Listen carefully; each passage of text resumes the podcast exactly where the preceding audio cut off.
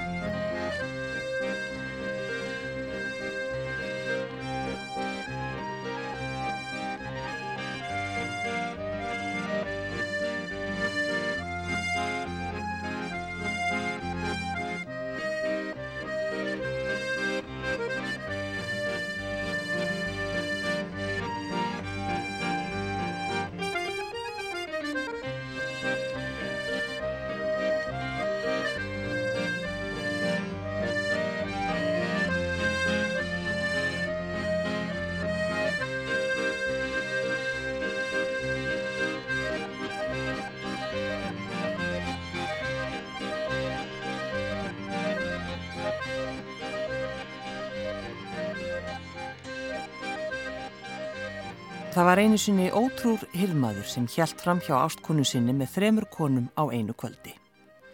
Einn kvennana, þjónusustúlka frúarinnar, sagði henni grátandi frá því sem gerst hafði og það ákvað frúin sem hafi fengið nóg af heimskulegum uppáttækjum elskuans að grípa til sinna ráða og losa sig við hann.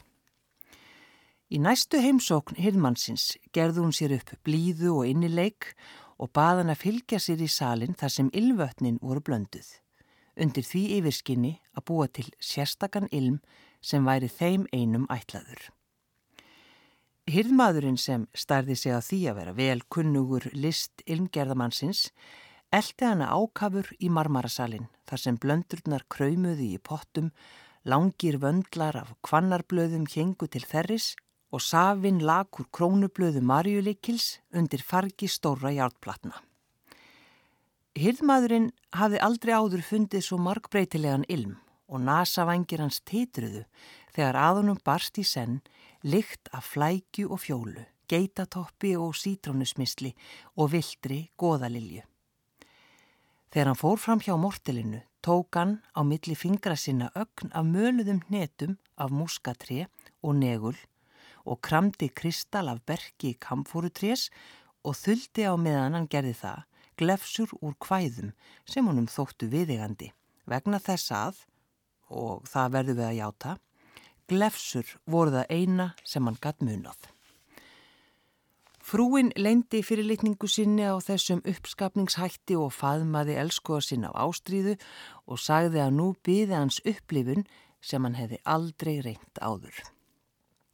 Hinnmaðurinn varð afar forvitin og let fúslega tilleiðast að afklæðast og leggjast á kirtil sem ástkonans hafi lagt á gólfið.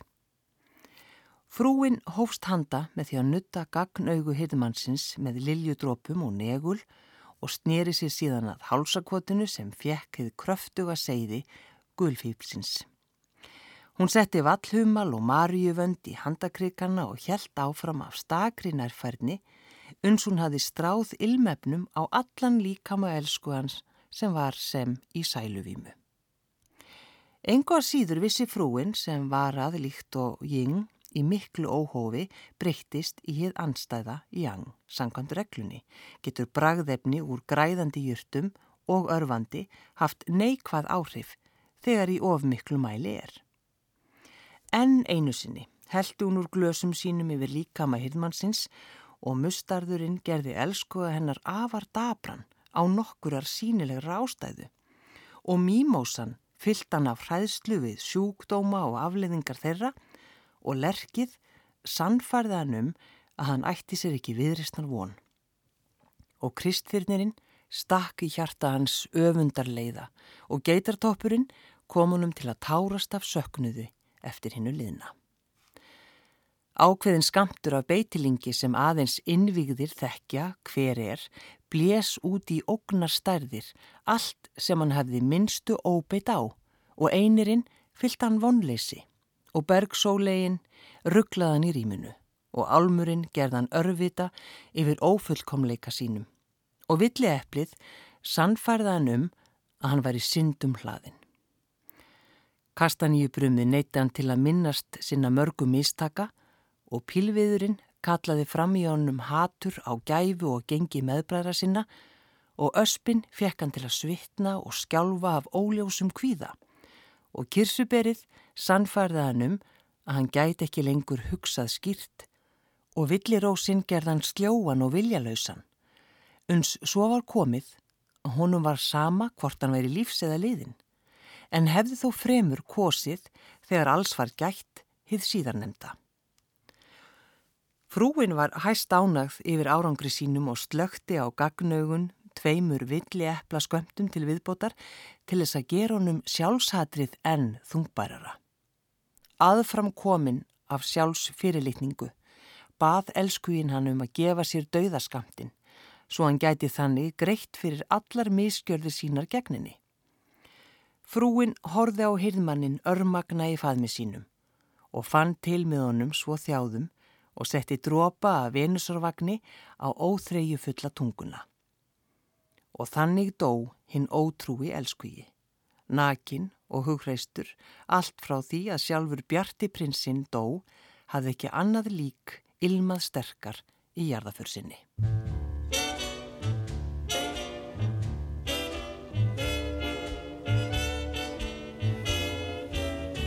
Till I was again with you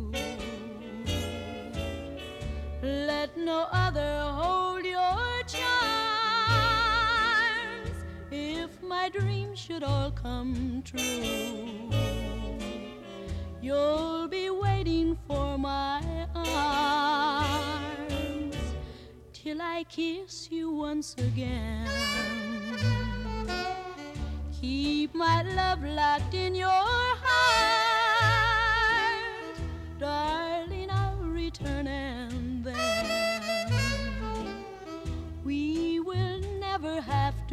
part.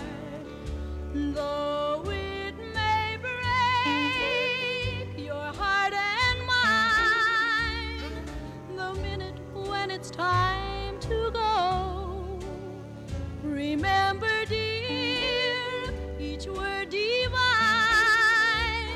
that meant I love you so till I was again with you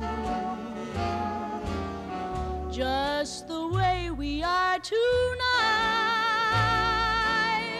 I will keep my promise true. For you are my guiding light.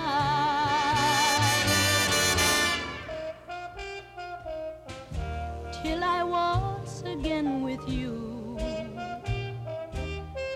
Keep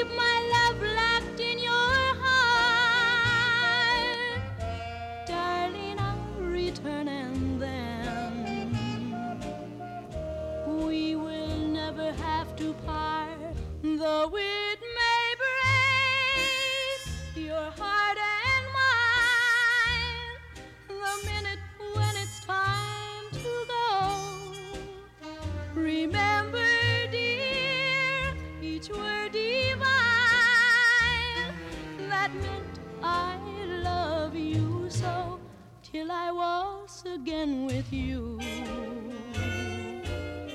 Just the way we are tonight, I will keep my promise true.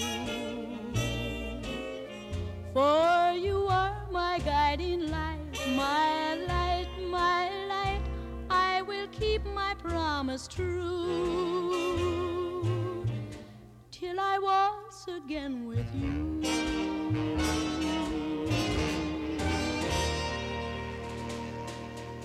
Gestir mínir í þættinum heita Inga Elsa Bergþórsdóttir og Gísle Egil Hrapsson. Þau hugsa endalustu mat dægin út og inn. Þau hafa lengi haft brennandi áhuga á mat og matargerð og við aða sér viðtækri þekking og reynslu og nú eru þau búin að skrifa indislega matrislu bók sem heitir Góður matur, gott líf í takt við ástíðirnar. Quand je balance un œil sur cette ville éternelle, bleu-gris, qu'importe le ciel, quel que soit l'enthousiasme ou la couleur des larmes, de plus en plus je me rappelle.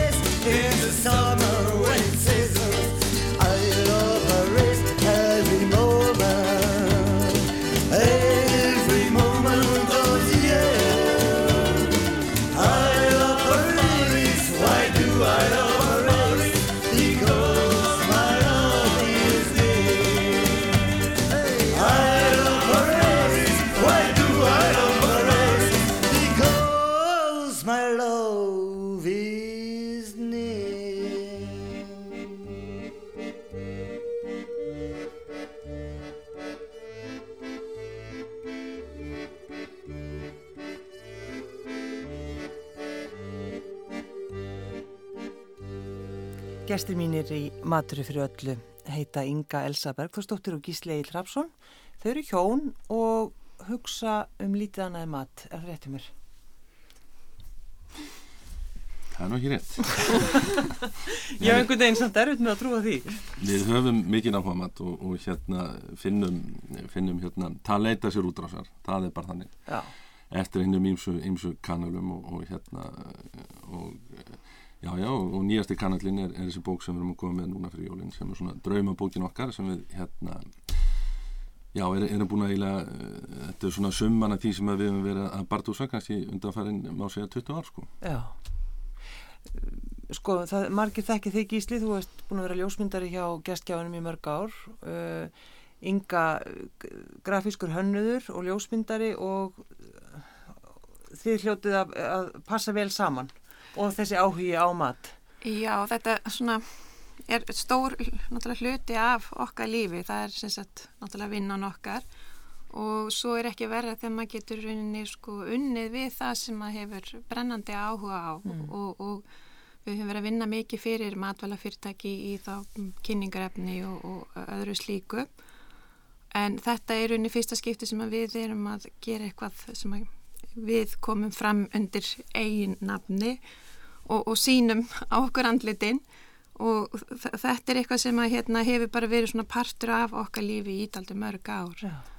En hvenar í rauninni sko byrjar ykkar uh, áhugi á mat?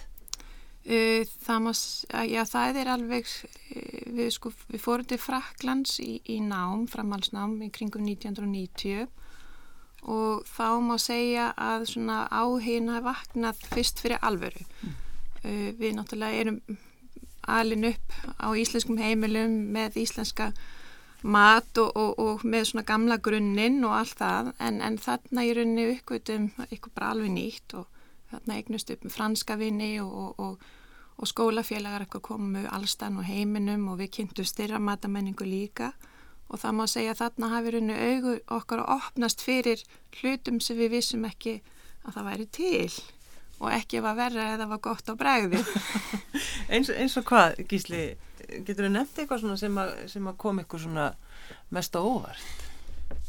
Já, það kannski kom okkur mest á óvart, það, það var að segja sko, það var raunveru hvað uh, frakkar eru raunveru lausið við allt snopp þegar kemur að mat af því að það, það var þeirra ímynd hins vegar uh, sáum við það fljótt að, og uppgötum það að þeir bera óbúslega mikla virðingu fyrir öllu sem tengis mat og, og það er alvöru virðing mm. bara eins og hérna, við byrjum virðingu fyrir Jónas Hallgrímsinni eða einhverju þín líka sko.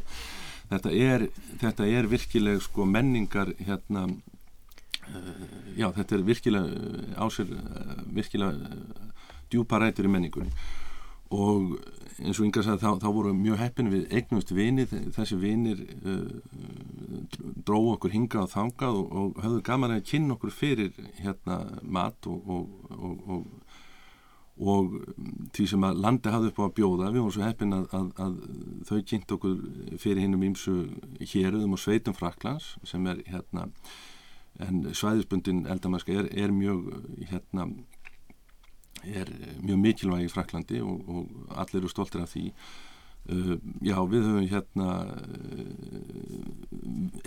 dæmi, bara svona sem dæmið þú veist þá uh, þá, þá lögðu við okkar mikið á sig sko að, að kynna okkur fyrir bestu ólufólju Fraklands fara með okkur þangað og, og kynna okkur fyrir finna besta ostin á þessu svæði eða, eða besta ódýrasta vínið eða, eða, eða hvað eina Já, já, já, já þessi, þessi hluti sem er svona, það virðist vera oft svona einhver svona romantik í kringum þetta en eins og það nefnir sko besta ólífólíuna í Fraklandi, fundu þið þá að þetta var besta ólífólían? Já, já, það, það er hérna, það er alveg klart það, það er, það er hérna þessi ólífólíu kemur, kemur frá smábæ upp í Drómfjöllunum og, og hérna sem heitir hérna Níjóns og, og alveg frábær ólíu og heimstækt En sko, einmitt af því þið, þú nefnir það, Inga, ykkar, ykkar grunnur er þá kannski svona svipar í sambandi við svona mat þegar þið voruð ung, e mm, eða er, mm. það, er það rétt? Uh, já, svona mestu leiti. Uh, ég er svona alin upp á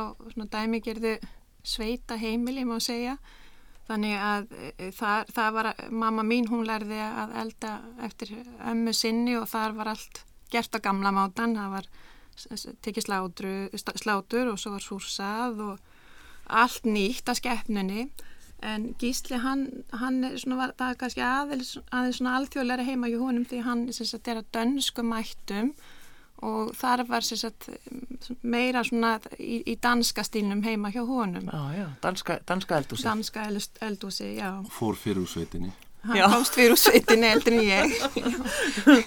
Þannig að það lítur að vera ágættu kóktel en eins og þú veist það er nú oft ég hef oft fengið góða gesti til í þennan þátt sem ég mynd nefna þetta danska eldús sem að hafi það mikil áhrif á íslenska eldamennsku Já, ég held að það sé bara söguleg starrend að danska eldúsið reynilega sti, já var algjörlega samóðið því íslenska hérna á, á, á 20. stöldin sko. mm. það, það er bara hann sko. Mm. Já, svona fyrir mér var svona stó, stóra stökki sko að kynna skýsla það var það að hérna heima hjá mér það var alltaf bara keift rauðkall út í búð í, í dós en heima hjá honum þá er alltaf, mamma hans hún býr alltaf til rauðkálið fyrir jólin og það er bara fastu liður.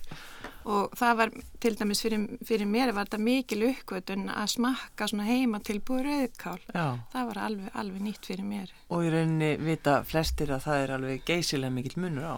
Já, það er nokkuð munur. En uh, þessi mitt þetta að þú ert alveg uppið þetta að, að, að rauðkálið er búið til og allt allt slíkt. Hvernig gekk ykkur svona þegar þið voru að byrja að búa saman, að elda saman? Það gekk nú alveg fyrðanlega vel, náttúrulega. Kemur svona einhver svipur og gísla. Já, í byrju náttúrulega, þú veist, eins og flestir þá kannski var fjárhægurinn ekkit svona þessu rópahúra yfir, náttúrulega bara fátakið námsminn og allt það en, en hérna en svo bara þú veist með reynslinu og, og, og svona kannski líka prófa eitthvað nýtt og þá svona smá þróast náttúrulega eldamennskan en, en minni, ég játa það alveg, ég var engin superkokkur mm. í, í, á mínum sokkabansáru Er það rétt gísli? Ég veit ekki, ég meina við, við náttúrulega þegar við, þegar við flytjum heimann og, þurfum að bjarga okkur þá náttúrulega hérna þá er það bara eins og að henda sér út í djúbulögin en, en við náttúrulega fengum við vorum, já, við vorum tiltölu ný, nýbyrju að hefja sambúð þegar flytjum til Fraklands þannig að já. við fáum náttúrulega alveg frábara aðstöð til þess að prófa hitt og þetta og, og nýttum það til því sídrasta sko, mm. og, og en ég held að sko þráttur að, að, að Fraklandstölun hafi haft mikil áhrif á okkur og, og, gerir enn og við höldum ennþá miklum tengslu við Frakland og, og hérna þá held ég að sko hún kannski opnaði auðvitað okkur líka fyrir, fyrir því sem við eigum hér eða höfum kannski alltaf því mist þar að segja að að ef, ef við, já bara ef, ef, ef að svo kynslu sem er núna mellir 40 og 50 ef, að hún spyr sína foreldra hérna hvað var á, á, á borðunum á ykkar heimilum að þá kemur gætan í ljós að, að þar að afar okkar og ömur að þau voru bara fullu í, í því sem að ég kallast í dag heimavinsla matfala og, og, og voru fullu í, í raun og veru svæðispundinni eldamösku og uh, ég menna þegar, þegar, þegar maður fer að grafa eins og og onni í gladkistuna þá kemur ljós að, að á, á heimilum af ömmu þá, þá var uh, búið til skýr og þá var búið til hérna smjör og, og einhvers konar ostur og, og, og það, það var eitt og hérna og uh, fyrir auðvitað þess að hefðbötnu íslensku verkun eins og súrmat og, og þess það sko. mm. og þetta er eitthvað sem við höfum horta á sem við finnum samsörun í Fraklandi og uh, okkur finnst eins og það hefur ropnað aðeins tengslinn á, á milli matfala uh, má segja framleiðanda og neytandans af því við erum jú neytandur hérna í dag. Mm. Og að því hún nefnir þetta með þetta búa til þá hérna alltaf svo gentild að vera með matar þá því að þá koma er með eitthvað fyrir mig að borða. Eh, Gísli, þú varst semst upptekinn eitthvað í nótt þú ert einn af þessum svona svolítið skrítnu þetta þannig að þú vart í raunin að búa til hérna, þú vilt opna þetta fyrir mig. Þú kem, kemur færandi hendi með jógurt sem þú bjóst til og segð okkur hvernig það er gert. Já, jógurtin eiginlega bjóð sig bara hreinlega til sjálf. Uh, eins og heppin eiga þess að litlu örverur, jógurtgerla að, að vinum. Og jógurtgerð uh, er frekar einföld. Og hún tekur ekkert ekki mjög langan tíma. Þetta jógurt er, er ja, sírt í, í, í, í tekur hvað átta ní, nýju klukkustundir að verða til. Mm. og ráðni í þetta er, er, er bara sem sagt íslensk mjölk og hérna og, eh, og gerðlar sem að koma bara úr hreitni jógurt. Þannig að þetta bara vinnur á nóttunni þá? Já, það er sér að... að Hleypur sig. Hleypur, já. Já, það, það er sér að þetta er, þetta er, þetta er raun og veru sko, við erum með öskutra af þessu í bókinni, um, þetta, þetta þarf að gerast við rétt hitastig og það, þetta þarf að haldast við það hitastig í ákveðin tíma. Hmm og við, við, reyndar, við erum með frekar einfalda öskuti bókin en ennþá einfaldar er að nota svona lítinn hitakassa eins og, eins og kæft í Fraklandi og, og, og hérna þá er það bara kassi sem heldur þessu á réttu hitast í, í, í ákveðin tíma hmm. Þetta er alveg sko kemur, þetta er alveg sérlega bræðgótt en það sem að maður kannski tekur eftir að hún er aðeins þinnri heldur en vennuleg jógurt Já, já og það, það er raunin hægt að þykjana með að setja hérna þurrmjölk út í hana þurrmjölk út duft, já. já og þá verður hún þykkari ég ætla að klára þetta já, þú voru að smakka það sem eru á botninu líka á, á botninu og svo sittiði, hvað sittiði í botnin? þetta er svona svesku hérna, svona kompott eða, eða svona halgir svesku mög mm. og hérna og hún, sérst, þetta eru bara svesku sem er lærið bleiti og svonar með smá sítrunu, mm. bergi og kanil En þá í rauninu fer maður að hugsa sko, þessi bók er þannig, hún er bæði fyrir bara þá sem að vilja kannski fara aðeins einföldu leðina sem er bara allt í mhm. góðu með það, en líka þá sem að vilja alveg sko tapa sér í eldamennskunni, er ekki að það segja það? Jú, í rauninni, hún er hugsið þannig að þú getur búið til uh, mikið að ráöfnum sjálfu frá grunni en þú, getur, þú getur líka farið út í búð og keft eiginlega allt sem að fer í öskriftinnar út í búð mm. það er einna helst villibráðin sem að kannski maður gengur ekki beint að út nei, í búð nei, en, en þannig í rauninu þetta er bók sem að nýtist öllum hvers þú vilt búa sjálfur allt frá grunni eða fara út í búð og kaupa öll ráöfnin þar. Uppskriftina standa alveg. Það er til dæmis hér eh, eitt svolítið sérstætt sem ég, ég hef aldrei séð uppskrift af þessu. Það er heimagert sinneb.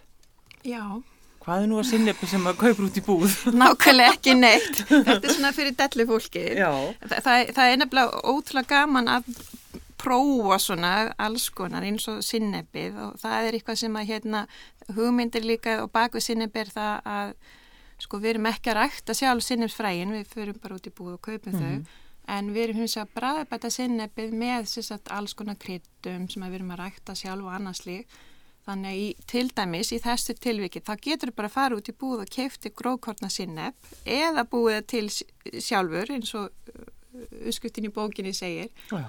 og síðan er þetta bræðbæta sinnebið með ýmsum hætti.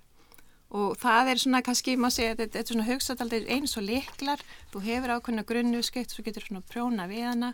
Og eins og segja, sund getur bara keft tilbúið ef þú nennir ekki að gera grunnu skrittina þannig að þetta er svona líka hugsað sem kvartning til fólks að bara prófa sig áfram Hmm. Það- Svo er þetta náttúrulega líka að, að það, sko, ef við prófum að gera hluti þá, þá öðlustu meiri stilning á því hvað, sko, hvað varan er, eða ráarni er sem við erum ofta að kaupa út í búð og, og, og mér finnst ofta að, að hérna það sem maður prófar að þe- þegar maður annarkvort fylgist með eh, verkun eða, eða hvaðina eða gerir sjálfur að þá, þá er maður miklu betri neytandi fyrir vikið Já, maður verður svona kannski fyrir að hugsa, Hugsa gagnrýni. öðruvísi, maður bara já. fær Já. meira vit á þessu sko. Það er þannig sko en til dæmis það var nú eitt þegar ég fór í gegnum þessa bók, þá hristi ég, ba- ég hristi bara einu svona hausinn.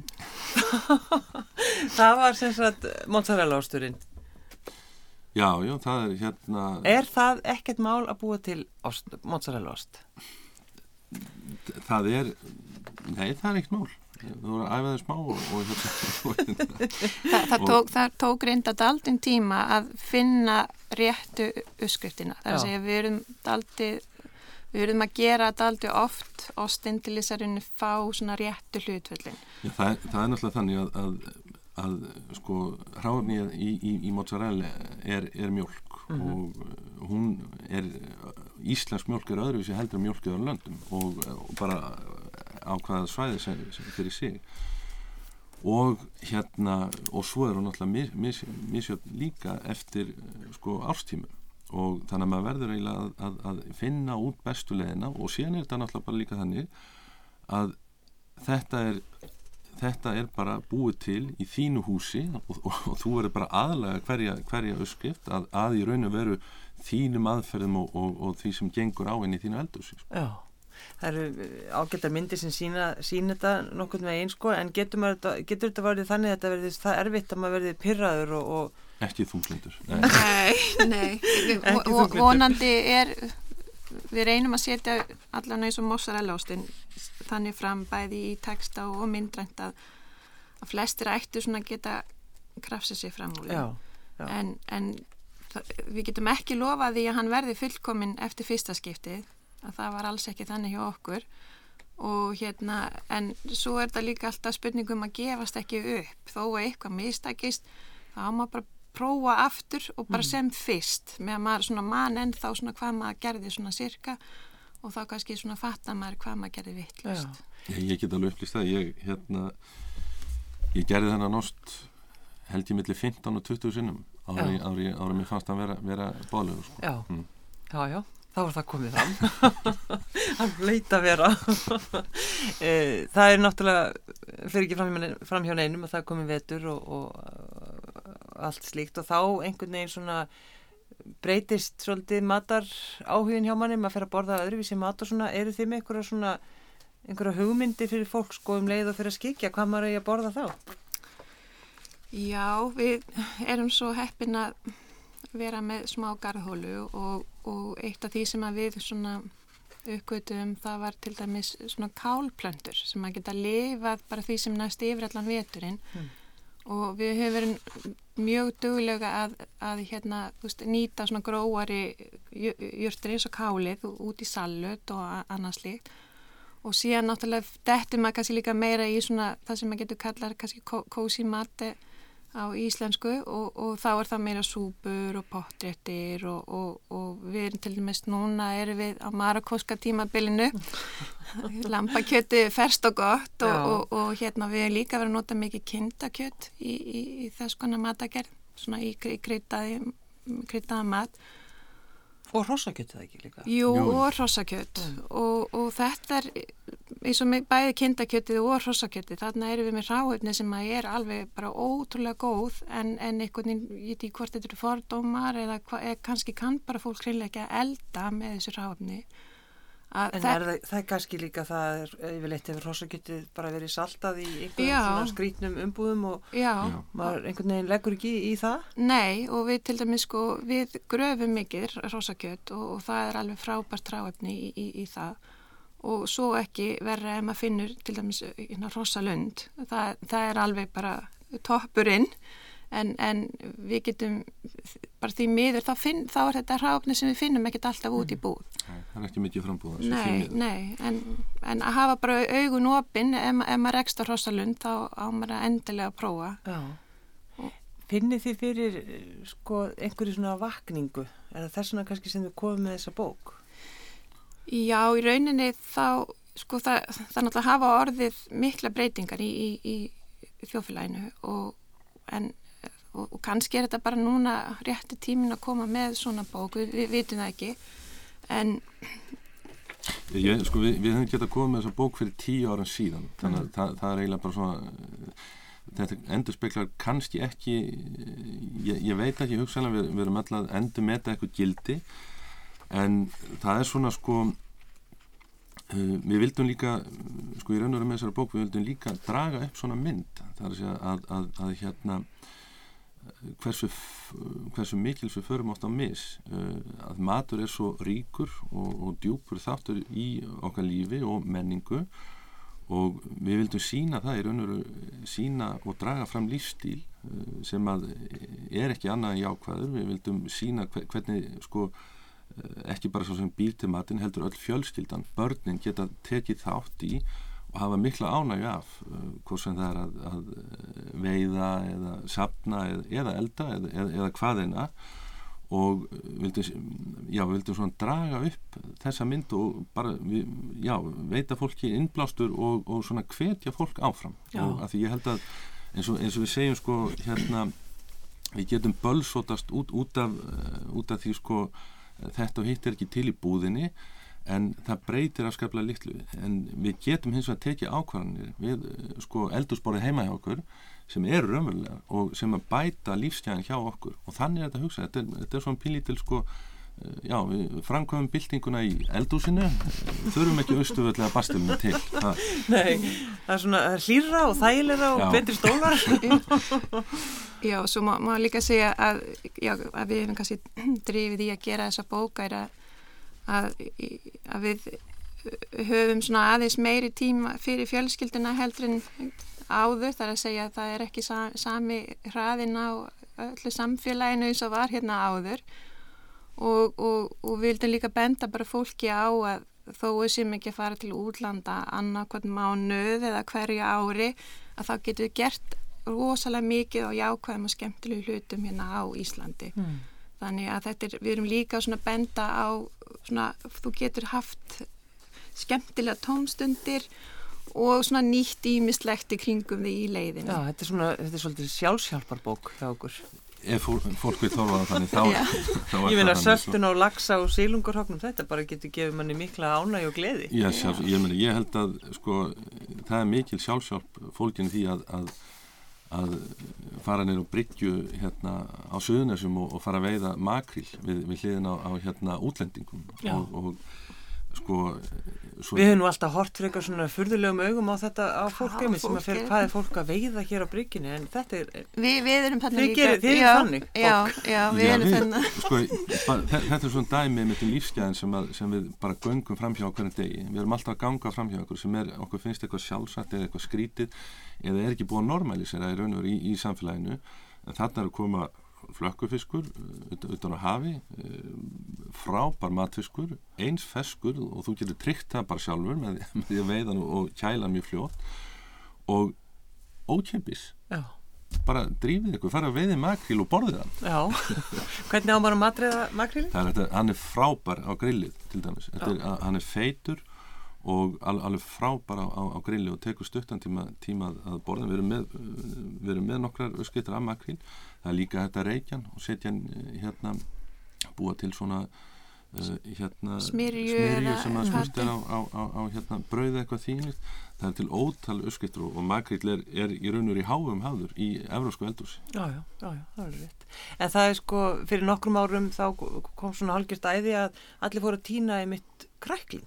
Já. Það var það einhver svona bylting Mhm. í því, allt í einu uppgötaði fólki á, við getum farið inn og týnt Mhm. yndislega krækling, það er kannski ekki alltaf til, alltaf hægt en, en þú veist. Já, já, já, já. já það, það er bara hluti af þessu en, en það er náttúrulega eins og með allt þú veist, ma maður verður að vi- vita og, og kynna sér hlutina eins áður það er á, ákveðin hátt- hætta til þess af, af, af hérna, eitrun varði hann, en fólk verður þá bara að kynna sér það og, og taka ábyrð á því en, en ég meina það er það eru fjöru vísjón landa sem, eru mjög djöfular hvað, hvað var það krekling? Já, svo er þetta líka eins og með krækling, kræklingin, hann, hann er náttúrulega svona um, ráöfni sem að kannski fólk er ekki vant að borða og, og er, kannski er ekki alveg að meðtaka svona í byrjun en, en það er bara, þú veist, um að gera að prófa og ég minna ef þið finnst það ekki gott þá þarf það ekki að borða það. En af hverju höfum við Íslandinga verið svona frekar svona íhaldsum á þann mat í rauninni sem við höfum getað veitt og, og, og borðað hér, sem er hér á Íslandi? Ég held að ef við skoðum Íslandsöguna þá er hérna þá eh, höfum við alltaf átt í brasi með verslun á Íslandi og við höfum alltaf sko við höfum alltaf verið að glíma við svona eintóna og svona frekar fábrotið hérna frambóð á, á ákveðnum hlutum. Ég held að það sé ekki hægt að skýra það öðruvísi. Ég held hins vegar að sko það sem kemur á orð, það, það er að, að breytingarna skul, breytingarna skuldi vera stórstígari hér á Íslandi af því að Íslandingar eru hérna, hafa ferðast út um allt þekkja orðið alveg ótrúlega hluti við eigum bara í raun og veru að við eigum bara, af, af hverju er vandamál að, að breyta þessu? Ég- að Þetta er mjög skrítið því að við höfum svo góð grunn ráefni til staðar en það er eins og það van- vanti ykkur að vakningu að fara aðeins lengra með hlutina heldur en þeir eru. Já. og, og, og okkur finnst það alltaf svona leiðilegt til dæmis þegar slátu tíðin kemur að maður finnur hver, sko í mörgum búðum þá er það ekkert sjálfsagt að finna bara ferst ófrósi lambakjöt sem að er bara sko ókryttað og, og ekki búið að leggja ykkur að marineringuð. Okkur finnst þetta mjög skrítið Já. að þetta skuli vera svona. En þessi bók í rauninni getur kannski svolítið svona, uh, svona hjálpa fólki. Og eins og þú nefnir gísli að, að, að þetta er bara fyrir fjölskyldinu og það að við getum sko verið saman og, og gert skemmtilega hluti eins og til dæmis þetta. Ég, ég sé þig hérna, þetta eru nú glæsilega myndir af þér, herra gísli þar sem þú ert að reykja pulsur og beikon og ég veit ekki hvað og hvað, er þetta svona fyrir leikmannin, getur við geta allir eh, gert þetta? Já, það, sko, það, það geta allir eh, gert eitthvað. Já, það er, þú, þú er fólk hérna, þú er fólk hérna uh, verði ekki útskrifaðar reykingamestarar á, á, á fyrsta kortinu og þetta er náttúrulega líka eins og annað það, það þarf að byggja upp reynslu og, og, og, og, hérna, og skilja út, út, á hvað þessi, hlutir ganga. Sko, ég spyr bara móti afar okkur og ömmur, gerðu þetta. Já ha, við hérna. Við og, ég meina þú veist en, en það er aldrei gaman þú veist ein- eins og með eins og með sko hérna ef ef við skoðum bara hva, hvað er reyktur matur? Um, sko söldun og, og reyking eru ekkit annað geimslu aðferðir sem voru notað til að auka geimslu þólfissins meðan að kæli geimslu voru ekki til staðar. Nú ef að þróunin væri eðlileg að þá væri reyktur matur það væri bara hluti af fortíðina það var ekki lengur á bóstafnum en hann er bara svo góð og, það er þetta Nákvæmlega. það er bara þetta bragð og, og hérna og það er til dæmis ótrúlega breytileiki á reyktum mat eftir því hvað aðferðu notar það er hægt að sko það er hægt að heitreykja, það er hægt að kaldreykja og síðan er annað sem, er, sem að, hérna, skiptur á miklu máli. Það er elsneiti eða hvað er vera, með hverju reykju hér á Íslandi höfum við sér sérstuð að, að, að, hérna, að reykja með með taði og það er stórkvæslega skemmtileg hérna, hefð og við viljum viðhalda henni en ellendis við að þá, þá eru mikið notu ávastatri og nú við notum líka byrki og annað og það er ótrúlega skemmtilegt að prófa að blanda hinn og þessu saman og, og það er, já, þetta bara mögulegan eru ótamandi. Mm. Maður líka finnur einmitt sko, ef maður fer með lags eða sílungi reikkofa í nokkra mm. reikkofa,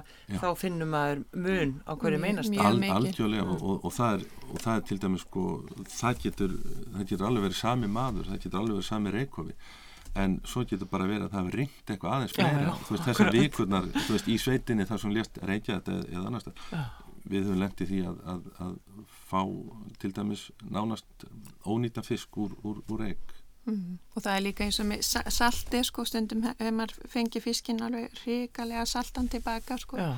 En, en með því að prófa sér svona sjálfur, eh, sjálfur áfram þá getur maður svona stilt þessum bröðum Og eru þið með hennar reikkofa í gardinum ykkar? Við höfum reyndar við höfum reyndar reykt í garðum okkar. Ég týsti bara. Nákvæmlega kon okkar kom hlaupandi alveg bara hvað gengur á? Þannig að við fluttum reykofnin í sveitina Já. og erum með hans það Fóður í friði. En ég tók eftir einu að, að þið reykið ykkur eigið beikon Já, við hefum gert það. Við, hérna, við, og það, við erum alltaf bara forviða fyrst sko við prófum það hvað þetta var einfalt. Og, og hvað þetta var eh, einfaldu prósess og, og hérna og svo náttúrulega bara mjög fljótlega þá, þá fórum við að prófa e, sko hinn ímsa við, ímislegt elsneti og, og, og e, ávast að tré ellend og eitthvað svona og það er bara stórkostlega gaman að við, við kaupum afar sjaldan beikon, við bara notum þetta beikon og þetta er þannig að við við reykjum þetta í heilum síðum Já. það er unverðilegt að reykja miklu fleiri bita á svínu heldur en það en við reykjum he, hérna, he, heila síður og svo bara eh, annarkvært geymum við þetta í kæli eða jáfnvel bara fristum og tökum út þegar við þurfum en mm. við notum þetta mikið eh, þetta er svona beikon sem sko er mjög gott að nota í potrétti og, ah. og svona rétti eins og við erum að elda núna svona einhverja sem að kalla á langa eldun og, og, og, og hérna langa og hæga eldun og gefur alveg frábært reikbrað út í sko. Já, þannig vil ég frekar þetta heldur en beikonið, vassós og beikonið sem að já, þetta er, þetta er aldrei öðruvísi já, beikon já, og, og í raunin það er volið erfitt að útskýra hver munurinn er en hann er mjög mikil. Það er bæði krydd sem við erum að nota og, og þurkum kjötið þannig að það er, það er allt, allt annir áferð. En Inga og Gísli því hafið einmitt verið svolítið svona kannski ég er svona bakvið, þú bakvið myndavélina og ynga sem grafískur hönnur eh, kemur þetta ykkur óvart að þið skuluð sko gefa út þessa bók og það eru myndir af fjölskyldin ykkar og ykkur og þetta er svona svolítið persónuleg bók? Er þetta, eitthvað, er þetta svona Er þetta ólíkt ykkur? Uh, þú ert að meina þá eins og að fara í þetta, já, já jú, þetta, þetta er mjög ólíkt okkur og við höfum Þið hafið rauninni bara verið bara pínlítið nokkur lítil nöfn á einhverjum svona já, bókum og bæklingum Já, sko. við, höfum, við komum að mörgu svona efni, svona matategndu efni og þetta er í fyrsta skipti sem við komum fram með andlitin okkar og fjölskyldin okkar Já og þetta er fyrir svona vennilega mannuski þá er þetta svona aldrei stór skref að gera þetta. En, en við vildum samt svona til þess að fólk kannski ættu auðveldra með að samsvara samsama sig. með bókinni og, og þessum lífstíl. Að þá svona tóku við ákveðnum það að sína fjölskylduna. Og, og, og til að sína líka fram á það að þetta er það, það er hægt að gera svona og þetta er partur af lífstíl og, og, og, og það er já þetta er, ég má segja svona, svona er þetta aldrei okkar líf. Hmm. Það má líka segja sko við, við hérna eh, við höfum kannski haldið okkur til hlésum við, við höfum kannski haldið upp í heilu verkefnunum og höfum unnið með mjög mörgu og góðu fólki í gegnum tíðina. En svo bara eh, liða árin og hérna og við bara sáum það var engin að gera þessa hluti nákvæmlega sem, sem, sem við vorum að gera þá bara tókum við þessu ákvörðun að, að, að bara drífið í að gera þetta og þá var það búið. En þið talaðum um þennan lífstíl eh, fyrir fólk sem alltaf kannski eitthvað að reyna að fara í þessar áttir eh, er þetta tímafrækt? Uh, já, það er svona mist tímafrækt en svo er náttúrulega spurningum að tala um eitthvað tímafrækt því að fyrir okkur er þetta bara, þetta veitur okkur svo mikla ánæg og gleði og, og hérna og við gerum þetta ekki með því hugafari að þetta sé eitthvað kvöð. Þetta, þetta er svona svipað eins og að spyrja fjallgöngumann Já. er það tímafrænt að ganga á fjöll Þetta er unni fárunni. nei, nei, það, sé nú við sko að, að, að ánægjan felst í upplifunni það, Já, það já. er það sko Akkurat. Það, já, þannig að við í rauninni, fyrir okkur er, er þetta bara svo stór partur af upplifa eitthvað jákvæmt og skemmtilegt og við erum duglega að fara í útilegur og við erum ekki tjaldvagn fyrir bara með tjaldið okkar og, og borð og stóla og við veist, tínum ber og tínum fjallagrus og sveppi og veiðum sílung og okkur finnst það bara æðislegt. Og, við, og yfir veturinn þá láta okkur dreyma um næsta sumar og og hvað ætlum við að rækta og þannig að þetta er eitthvað sem við getum svona haldið við allt ári. Þetta er ekkit svona eitthvað eitt tímabil heldur er við svona benda fólki á og það er þetta að njóta lífsins með mar marskona hætti bæði með útiveru og búið til mat og ímisleg allan á sér sving. Já. En núna er mitt veturinn komin, hvað er þetta að gera til þess að undibúa svona ævintýri? Hvað getur maður hugsað um, hvað, hvað maður að byrja að gera? ég, sko, það, það er náttúrulega hérna Skrifa niður minnislista. Látt sér dreyma. Já, sko, það, það er náttúrulega alltaf, sko, það, það, það, er, í, er, bókin er byggð upp í kringum ástíðinar og það er til dæmis bara eins og við leggjum áslætt það, það, það er bara, hva, hvað er til dæmis núna í gangi? Núna er slátutíð og, Já, já. og við erum að nýta, nýta hérna, þetta ferska kjött og við erum bara að halda hátíð og, og borða lambakjött og, og, og vinna úr því eins og við getum. Um, nú það er líka það er líka detta, já það er rjúpnaverti núna og, og, og, og þeir sem að stunda það eiga náttúrulega bara að halda þá eh, þá hefði í heiðri sko og, hérna og svo, svona er end, endalist þetta að halda áfram. Og svo náttúrulega svo er bara fyrsta skrifið, það, það er að kynna sér hlutina og, það þarf ekki alltaf að, að hérna eh, belgja sér út, það er hægt að prófa eh, þú veist, ætla að fara rækta þá er að sko, skoða hver, hver, hvernig maður fer að því. Það er að hérna, snýða sér stakka til vexti, það er að rækta út á svölum, það er að rækta inn í, inn í hérna, Já, já. þess vegna og, og, og, og hérna, já, það er já, En það getur þá sem kannski einhverju hlustendur hafa kannski ákveðið akkurat núna bara, nú ætlum ég að smíða með reykofn í vetur. Já, það, það, er er hægt að kaupa reykjótt, það er hægt að smíða, þú veist, það er bara, bara, bara hvað eina, það, en ég minna, þú veist, það er, það er fullt af hlutum sem get gert allt árið, þú veist, til dæmis eins og jógur sem við erum að gera hér og, og, og, hérna, og ímislegt, sko. Hm. Þessar uppskriftir allar, eru þið að, uh, sko, eru þið ófeimin að byggja um uppskriftir eða eru þið alltaf að reyna að finna einhverjar nýjar?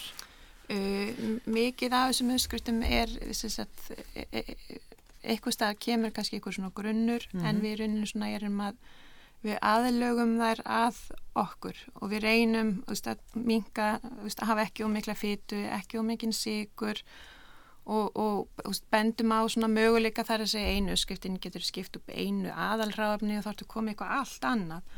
Og, og við, við viljum endilega sko fólk prófi sig áfram að, þeir, að fólk taki ekki uppskriftinni eins og hún sé bara heilög og það með ekki breytinni veist, bara um að gera að prófa sig áfram eins og til dæmis í svo, svona pestóin til dæmis við erum með semst, nokkra típur af pestóum og, og Það er náttúrulega að gera það á sumar, á, á, jæmt á sumri sem vetri. Já, og, og það sem við gerum sko því við ræktum mikið af kryddjurtum og tínum líka villjurtir að þá búum við til mikið af pesto og við líka við fristum það. Mm. Þá getum við bara, það, og það geymist mjög vel marga mánuði í fristinum þannig að maður getur alltaf átt nýtt pesto í fristinum.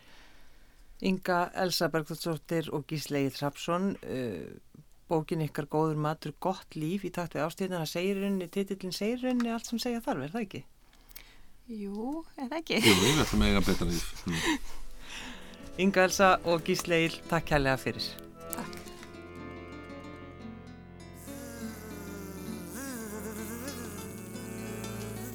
Spock. Vous me reconnaissez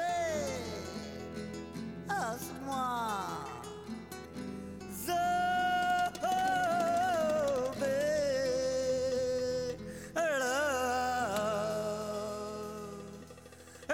Kæru hlustundur, þátturinn er á enda sem og jógútið sem gestri mínir Gísli Egil og Inga Elsa færðu mér í byrjun þáttar. Gangi ykkur vel að elda í kvöld og verði ykkur á góðu.